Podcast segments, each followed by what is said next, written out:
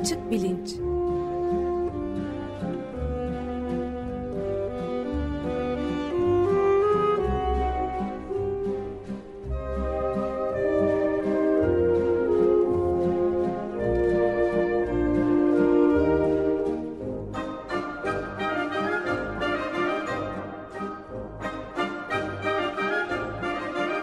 Güven Güzeldere ile bilim ve felsefe sohbetleri. Günaydın Güven Bey, merhabalar. Günaydın Ömer Bey. Günaydın. Günaydın Özdeş. Açık bilinçte bugün konuğumuz yok herhalde. Yeni bir makaleden bahsedecektiniz. Anlatır mısınız? Tabii. E, şimdi Açık Bilinç'te bir kere 8 Mart haftasında Dünya Kadınlar Günü ile ilgili bir program yaptık. Fakat onun haricinde e, deprem sonrası programlar hep görüntüleme üzerine oldu. E, Profesör Ali Ertürk'le Almanya'dan bağlanan ve daha sonra Ankara'dan bağlanan Profesör Melia Korkmaz'la e, işte çeşitli görüntüleme, beyin görüntüleme ve e, doku görüntüleme teknolojileri hakkında konuştuk. E, bu bir tür seri diye düşünülebilir. E, yine bir tıp fakültesinde çalışan bir başka yurt dışında çalışan bir profesörle Hande Özdinler'le de bir program yapacağız.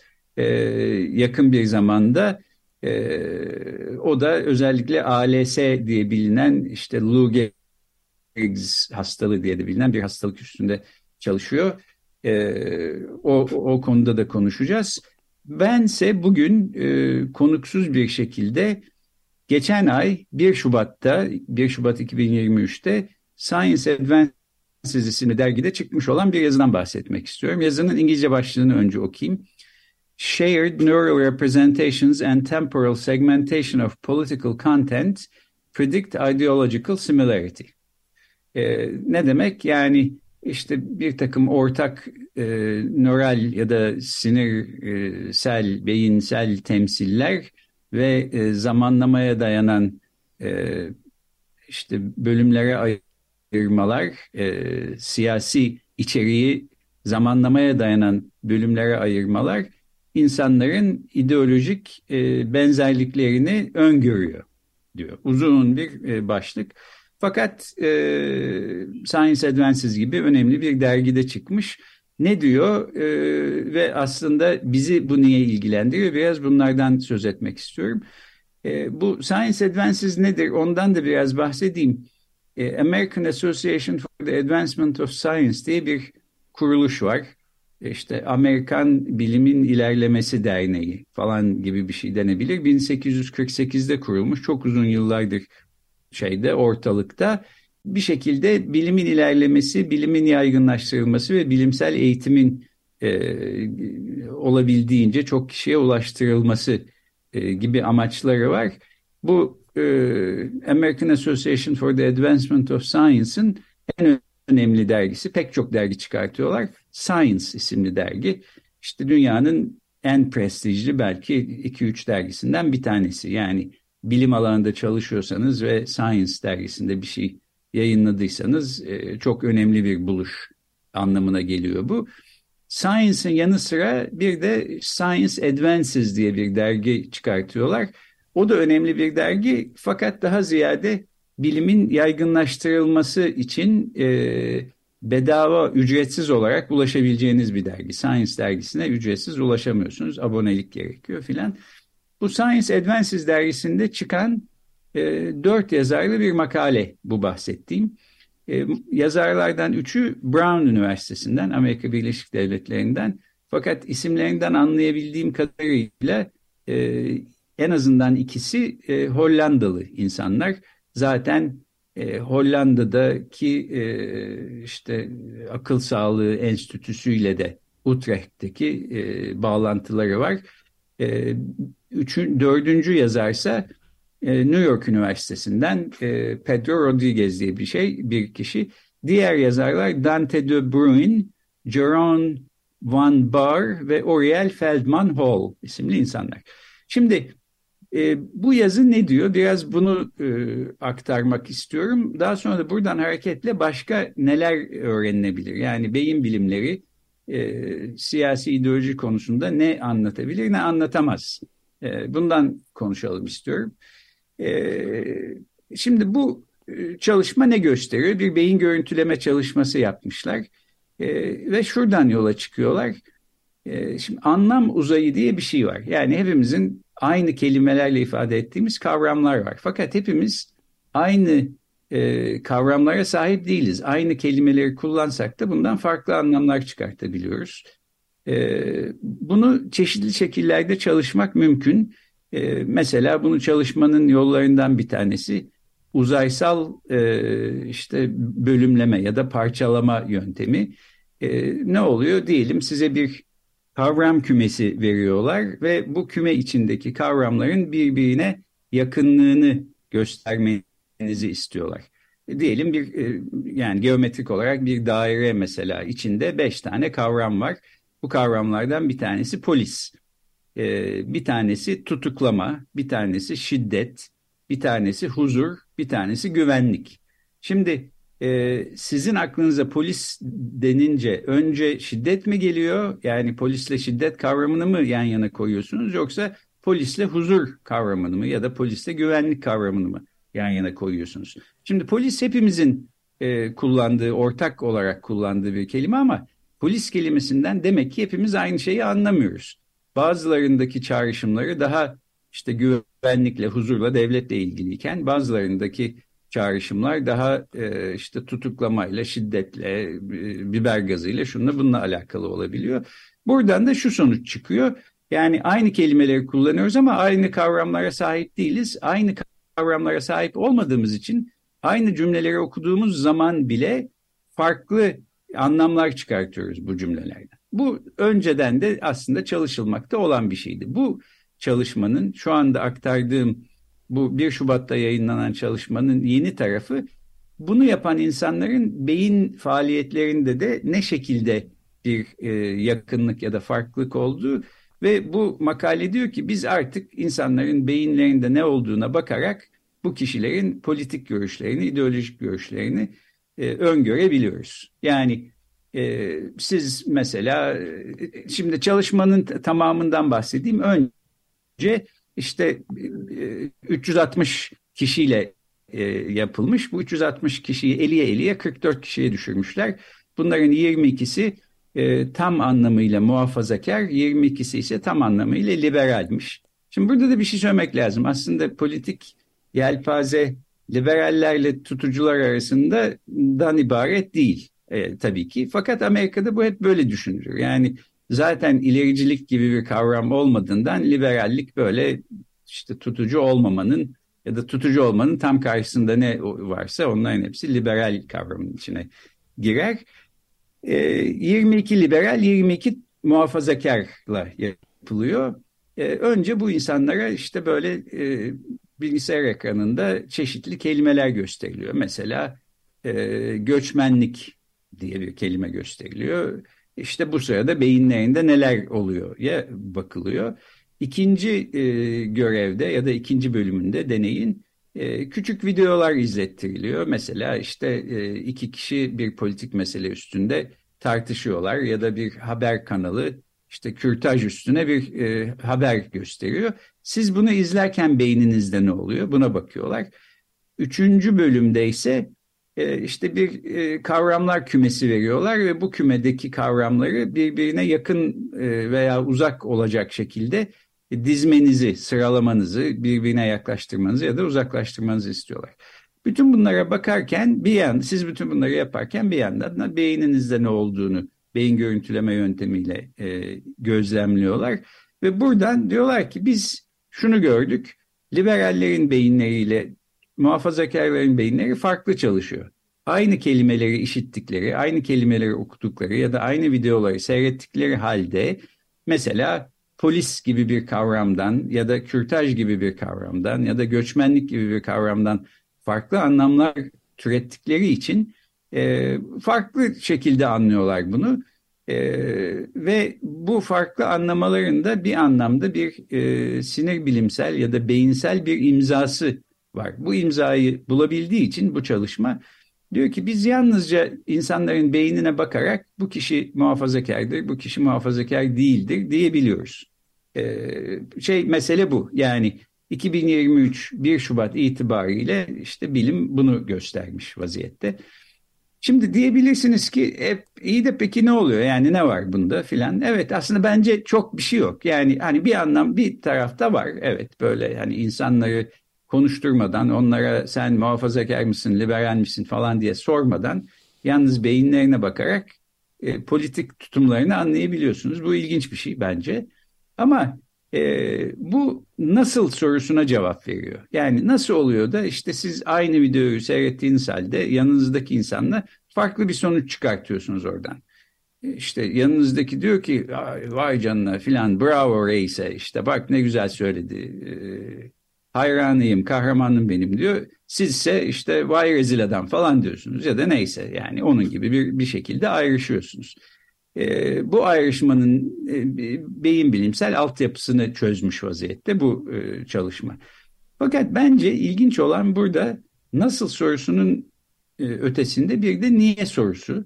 Bu niye sorusuna yani nasıl oluyor da ya da sorusu nasıl oluyor da diye sorayım ya da niçin e, aynı sözlerle ya da aynı metinle ya da aynı videoyla görüntülerle karşılaştığı zaman iki insan birbirinden çok farklı sonuçlar buradan çıkartabiliyor. Ee, buna cevap vermiyor bu e, çalışma, vermeye de çalışmıyor. Bence zaten beyin bilimlerinin bu tür bir iddiası yok veya olsa da e, bu olmaması gereken bir iddia. Yani yalnızca nasıla bakarak her zaman niyeyi anlamak mümkün değil. E, bu işin niyesi daha ziyade belki kültürel antropologların, siyaset bilimcilerin, sosyal psikologların falan alanına giriyor diye düşünüyorum.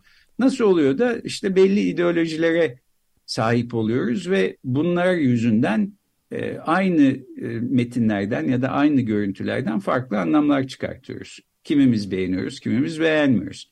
Benim daha ilginç bulduğum soru bu. E, bu sorunun cevabı bu çalışmada yok. Ama yine de ilginç bir çalışmadır diye aktarmak istedim. Evet, bey, Şimdi ben, ha, ha, buyurun tabii. Araya girip bir şey sorabilirim. Tabii tabii. Yani e, bir de belki bu beyin araştırmalarında son belki 5-6 yıldır hatta 10 yıla yakın bir zamandır giderek artarak ortaya çıktığını gördüğümüz bu hakikat sonrası söylemler var. Beyinde bunların nasıl bir şey iz bıraktığını ölçmek de iyi olmaz mı? Yani Donald Trump bunun en şey örneği Amerika Birleşik Devletleri'nin eski başkanı işte 40 bin midir nedir yani hatırlayamayacağım kadar insanın aklını alamayacağı kadar çok yalanı söylüyor ama dünyanın en güçlü ülkesinin başkanı olarak da bu görevi yürütmeye devam ediyor ve gittikçe de taraftarı azalmıyor da mesela yalanlar ortaya evet. çıkmış olsa bile. Bu nasıl bir beyinsel e, çalışma şeyidir? PET scanlerde falan gözükmez mi bu acaba?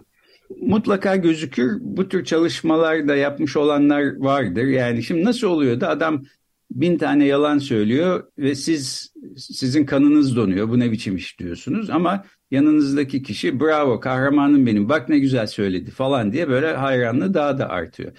Bu fakat tabii bence burada asıl ilginç mesele siyaset psikolojisi alanının soruları. Bu konuda bir program yapmıştım birkaç ay önce hatırlıyorum. Yani bir Trump hayranı, bir Amerikalı seçmen gençten bir adam mesela böyle çok da yoksul, eğitimsiz, işte zor bela geçinen filan birisi. Böyle her gün eline bir pankart almış. E, seçimi çaldılar, gerçek başkanımız Trump'tır diye yol kenarında duruyor. Yani e, kar kış demiyor, yağmur çamur demiyor, işte soğuk sıcak demiyor filan. Böyle çok adanmış bir e, politik duruşa sahip.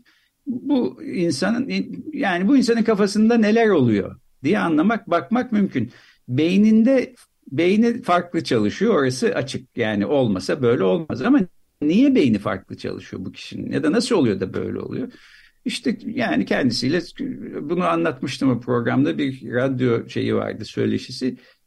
Trump'ı seyretmiş bir gün televizyonda demiş ki ah tam benim gibi bir adam filan. Şimdi tabii buna insan neresiyle güleceğini şaşırıyor. Yani Trump'la hiçbir alakası olmayan bir adam ama kendisini öyle özdeşleştiriyor. Çünkü politik fikirlerinde bir yakınlık görüyor. Nasıl oluyor da bu politik fikirlerinde yakınlık görebiliyor kendisinden bu kadar uzak bir insana? Yani işte Trump böyle New York'ta e, milyarder bir ailenin içine doğmuş, altın kaplamalı klozetleri olan evinde filan böyle çok acayip bir adam, kimseye benzemeyen bir adam.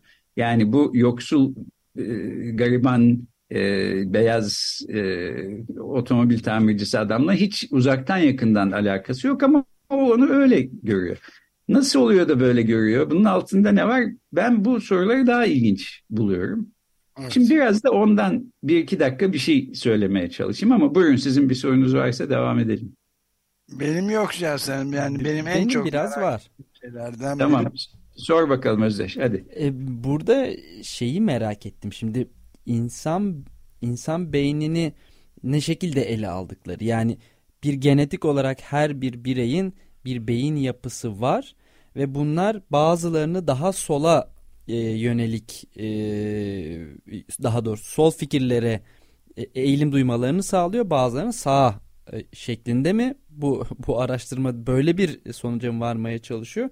Yoksa farklı bir şekilde mi? Yani daha sola daha soldan dünyaya bakanların beyni bu şekilde çalışıyor sağdakilerin bu şekilde çalışıyor diye de bir tür sosyal bir süreç olarak mı e, evet. beyin gelişimini hesaba katıyorlar? Yani hangisi neden evet. hangi sonuç soru, sorusunu soruyorum aslında. Çok güzel bir soru. Bu öteden beri tartışılan bir konu. Yani bu iç, içten gelen do, doğayla ilgili işte yani bizim terminolojiyle söyleyeyim fıtratla ilgili filan bir şey mi? Yani sen öyle bir beyne sahipsin ki işte sola doğru ediyorsun ya da sağa doğru meylediyorsun. Belki Öyle şöyle somutlayabiliriz. Diyelim ki eğer varsa insan beyninin daha rasyonel bir e, bölümü belki o daha fazla çalışıyor. Belki daha hayal gücünün kuvvetli e, olmasını gerektiren bir bölüm var. Belki diğerlerinde orası daha çok çalışıyor rasyonel kısım yerine gibi mesela. Evet yani eski çağlarda bunun tamamıyla böyle olduğu düşünülüyordu. Hatta yani bu temelden yola çıkarak mesela şöyle şeyler iddia ediliyordu. İşte ne bileyim kadınlar erkeklerden daha e, aşağı seviyede e, canlılardır. Çünkü akılları yetmez yani daha fazla şeyler düşünmeye ya da işte zenginler e, yoksullardan daha üstündür. Çünkü daha akıllı doğmuşlardır. Yani Allah öyle yaratmış falan gibi bir düşünce. Bu özellikle aydınlanma dönemi Fransız devrimi falan 18. yüzyıl sırasında epey bir değişti ve 18. 19. yüzyılda işte Marksizmin e, şey yükselişiyle 19. yüzyılda özellikle filan bunun aslında eğitimle ve e, gelişimle yani çocuk psikolojisinden yetişkin gelişimine kadar e, sonradan edinildiği e, kanaati daha yaygınlaştı. Yani burada işte şöyle düşünmek mümkün. Herkes aynı e, donanımla doğuyor. Herkesin birbirine benzer bir beyni var. Ama bazılarımız bu masum bebeklerden bir katil yaratıyoruz. Evet. Bazılarımız ise işte bir felsefeci yaratıyoruz. Bazılarımız bir radyocu yaratıyoruz. Bazılarımız bir bilim insanı yaratıyoruz. Bazılarımız bir işte solcu politikacı yaratıyoruz. Bazılarımız da sağcı bir politikacı yaratıyoruz falan. Şimdi benim tahminim bunun ikisinde de bazı doğru taraflar var. Yani şöyle çalışmalar var. Mesela e, tutucu insanlarla ilerici insanların beyinlerine bakıyorlar. Çeşitli sorular soruyorlar ve görülüyor ki tutucu insanların e, korku yaratan durumlara karşı e, daha çok tepki verdikleri gözlemleniyor. Yani e, tutucusunuz. Bu ne demek? Hani elinizdekini e, muhafaza etmeye çalışıyorsunuz. Muhafazakarlık bu demek. E, çünkü elinizdekinin değişmesinden ya da önünüzde gördüğünüz ya da çevreniz sizi sarmalayan yaşamın değişmesinden hoşlanmıyorsunuz. Çünkü daha büyük bir korku tepkisi görüyorsunuz. Bu içsel bir şey deniyor. Ama her e, işte bu tür tepki veren insan tutucu olacak diye bir şey söylemez. Ben bu tür böyle bir e, indirgemeci önceden belirleyici bir e, görüşün doğru olmadığını düşünüyorum. E, ama bunların hiç mi etkisi yok? E var herhalde. Yani e, işte ama ne kadarı var? Bunun dengesini nerede kuracağız? İşte ne kadarı doğadan geliyor, ne kadarı gelişmeden ya da insanların e, işte birbirleriyle iletişimlerinden, eğitimden, şundan bundan geliyor. Bu öteden beri var olan ve halen de sürmekte olan bir sorun. Tabii aslında bu ee, sadece ee, sağ sol sorun. meselesi değil aslında insan davranışlarıyla da ilgili orada da vardır. Hatta tabii, tabii. biz bir ara geçtiğimiz yıllarda açık gazetede galiba e, yer vermiştik. Çok tehlikeli bir haber vardı. İnsan beyninin suç bölümü olduğunu dolayısıyla aslında doğuştan bazı insanların suça daha yatkın olduğu e, şeklinde bir araştırmadan ıı, söz ediliyorlardı. Dolayısıyla suç nedir? Yani mesela siz de dediniz ya bebeklerden katil yaratmak. Mesela bebekler evet. katil mi doğarlar? O zaman çünkü bu araştırma böyleyse mesela bu bambaşka bir sorun. Daha evet. bebek yaştan hatta bunu engellemeye kalkıyorlar bir yandan güvenlikçi algılayışla.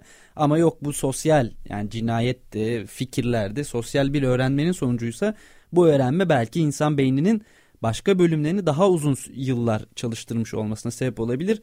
Ha, bir araştırma yaparken o bölümlerin daha çok e, çalıştığını görmüş evet. olabilirsiniz ama bu bir sonuçtur. Yani e, evet. e, neden değildir? Aslında bu, evet, bu neden kesinlikle. Değildir. Yani ben de buna katılıyorum. Aslında ikinci görüşün önemsenmesi kanaatindeyim. Çünkü ancak ikinci görüşe sahipsen şunu düşünebiliyorsun. E peki o zaman dünyayı değiştirmek mümkün. Yani insanları başka türlü yetiştirerek, eğiterek, başka türlü düşünmelerini sağlayabilirsin. Yani hiç bir katilin olmadığı bir toplum da yaratabilirsin. Ben bu kanıdayım.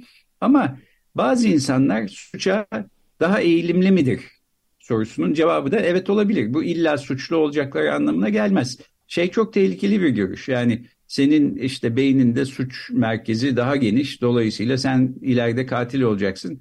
Biz seni şimdiden tutuklayalım da hapiste tutalım falan ne kadar e, bu işin ucu varabilir. İşte böyle bir Tom Cruise'un oynadığı bir e, şey bilim kurgu filmi falan vardı hatırlıyorum. Evet. E, bu tür böyle yani tamamıyla önceden belirlenmiş işte her şey beyinde ya da genetikte ne olduğuna indirgenebilir filan gibi görüşlerin doğru olmadığı kanaatindeyim. Ama eski çağlarda bu görüş çok yaygındı. Yani o sebepten işte deniyor ya fıtratla ilgili bir şey. Sen öyle kadın doğmuşsun. Dolayısıyla aklın matematiğe ermez. Ne yaparsan yap. Ee, hatta üniversiteye gitmesen daha iyi. Boşuna sıraları işaret etme filan işte erkekler bırak filan diye düşünen insanlar buna benzer bir e, indirgemeci ve işte neyse yani doğuştan böyle olmuş filan diye iddia ediyorlar.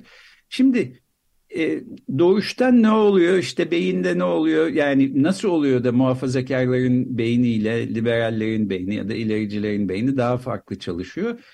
Bu çalışma e, bu aktardığım çalışma buna cevap vermiyor. Yalnızca nasıl oluyor da ya da işte hani beyine bakarak bunu anlamak mümkün mü diye daha alçak gönüllü bir soruya cevap vermeye çalışıyor.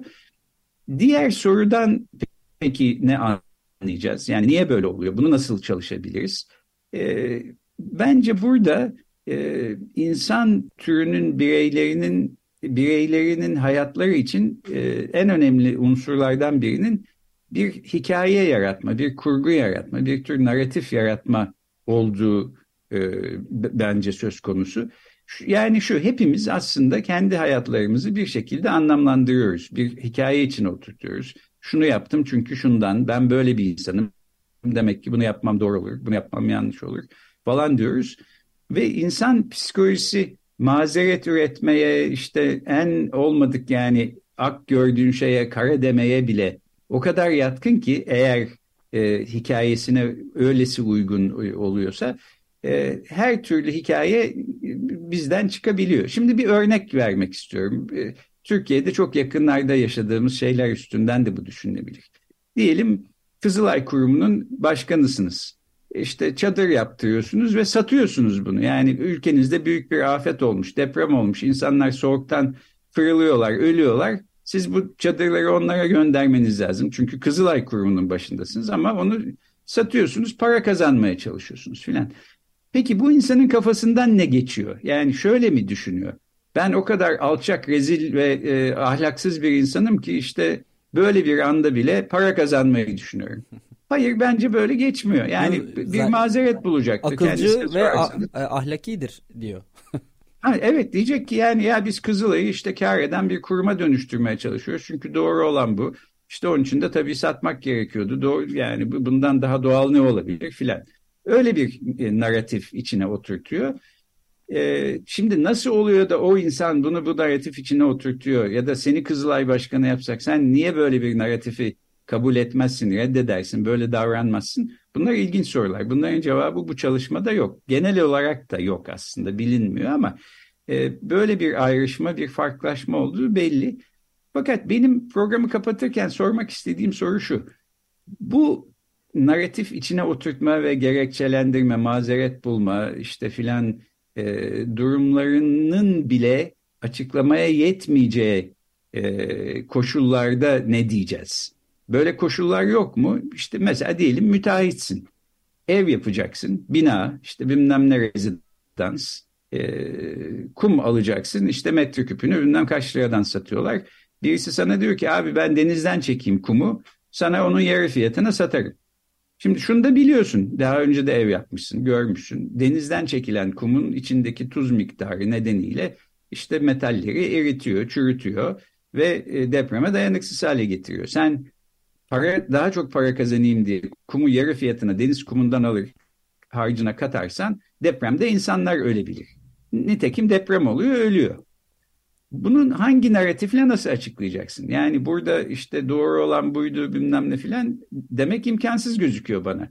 E, sen bu işi niye yaptın? Ne çünkü son model bir araba daha alayım işte bilmem ne e, aileme para bırakayım ya da şöyle bir yerde oturayım yurt dışına gideyim filan bir takım lükslere sahip olmak için bunu yapıyorsun.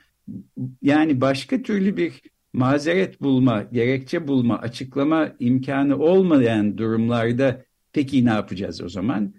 Ee, benim cevabını bilmediğim ve bu programı kapatırken herkese sormak istediğim soru bu. Nasıl oluyor da bazı insan yani bazı, şimdi bazı şeylerde biz mesela Vakainame'de hatırlıyorum gazeteci Gökçer Tahincioğlu'yla e, geçen sene bir program yapmıştık. Fethullah Gülen cemaati soruları çalmış pek çok sınavda çalıntı sorularla insanları işe yerleştirmiş ve yaklaşık 500 bin kişinin hakkını yemiş. Bu şimdi çok büyük bir şey. Üstelik işte İslam'da kul hakkı diye bir şey var. Bunlar da Müslüman bir cemaat filan falan ama bunu buna bile bir gerekçe bulunabilir. İşte diyor ki daha büyük bir dava var. O yüzden bu hakkı yenen insanlar o kadar da önemli değil. Yani tabii iyi bir şey değil kul hakkı yemiş oldun filan ama daha büyük faydalar sağlayacağın için bu kabul edilebilir bir şey filan. Ee, öyle gerekçelendiriyorlar ama Diyelim müteahhitsin ve deniz kumu aldın bile bile işte böyle insanların hayatını tehlikeye attın. Sonra da çöktü senin rezidansın. İşte altında da 80 kişi kaldı. Herkes öldü. Bunu nasıl açıklayacaksın? Buna benim pek aklım al ermiyor doğrusu. Yani belki bir müteahhidi getirsek karşımıza sorsak ne bileyim bir, bir şekilde bir mazeret bulabilir. Çünkü beyaza siyah, siyaza beyaz deme kabiliyetine sahibiz biz insan türünün bireyleri olarak başka hiçbir canlı türünün bireylerinde olmayan bir mazeret bulma e, şeyimiz, yeteneğimiz var. Bu da sosyal psikolojinin genel olarak çalıştığı ve belgelediği bir şey ama bu gibi durumlarda ne nasıl açıklanıyor? Yani bu insanlar ya da ya peki kabul ediyorum ben çok ahlaksız, alçak, rezil bir e, insanım. Para kazanmak için herkesin hayatını tehlikeye attım. Bütün bu ölümlerden de ben sorumluyum diyorlar mı? Yoksa başka bir açıklama mı buluyorlar? Bunun cevabını siz biliyorsunuz yani siyaset bilimciler falan bana söylesin ben bilmiyorum ama bu, bu soru buraya kadar geliyor. Bence en e, temel noktası da bu. Yani en dipte ulaştığımız ve cevaplanması gereken açık olan e, soru da bu bana kalırsa. Sonuna kadar da kabul edilmiyor ve savunuluyor bu pozisyon yani. Evet ama nasıl savunuluyor? Bu, bu, yani yanıtı... bana hani savunulacak şeyler var.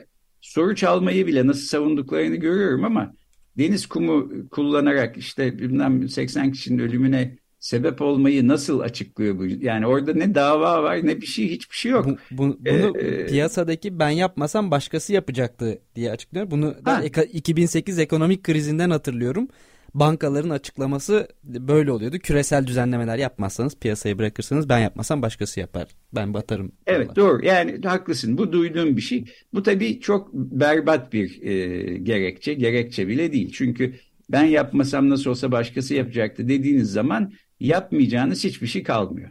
Var mı yapmayacağın? Çünkü dünyada her şeyi yapacak birisini bulmak mümkün. Dolayısıyla ben yapayım filan. E buradan bu sonuç çıkmıyor. Yani sizin bir şey yapıp yapmayacağınız onu başka birisinin yapıp yapmayacağına bağlı olamaz ki. Bundan bağımsız olarak yaptığınız şey, yapacağınız şey doğru mu yanlış mı diye değerlendirebilmeniz lazım. Değerlendiremiyorsanız sizin sorunuz. Dolayısıyla özdeş kusura bakma bunu kabul etmedim başka bir e, gerekçe bekliyorum. Tamam. tamam süre bitti şimdi. Evet tamam süre de bitti. Ee, bir de şunu söyleyeyim kapatırken şimdi son zamanlarda çok konuşuluyor. Chat GPT diye bir yapay zeka programı var. Bunun bir benzerini de Google, bu Microsoft'un satın almış olduğu OpenAI şirketinin e, ürünü. E, Google şirketi de işte Lambda diye bir program geliştiriyor. Google bunu gizli tutuyor. Microsoft ChatGPT'yi kullanıma açtı. Herkes bundan konuşuyor filan. Şimdi burada ne oluyor ne bitiyor aslında ilginç bir soru. Bu konuda bir seri yapmak istiyorum. Ve yurt dışından bir takım e, bu konuları bilen insanları da dahil etmek istiyorum bu tartışmaya. Çünkü önemli bir tartışma ve bunun bir benzeri 1980'lerde yaşanmış ve bir süre sonra başarılı olamayarak ölmüştü, sönümlenmişti. E, ChatGPT'nin geleceği ne olur? Ee, geçmişe bakarak gelecek hakkında bir şeyler çıkartabilir miyiz filan. Bunları önümüzde işte bir seri hazırlıyorum. Ee, yakınlarda bir zaman bunu da e, yapacağız. Bunu söyleyerek bitirmiş olayım. Harika. Peki çok teşekkürler. Peki, ben, ben teşekkür ederim. Görüşmek üzere. Görüşmek üzere.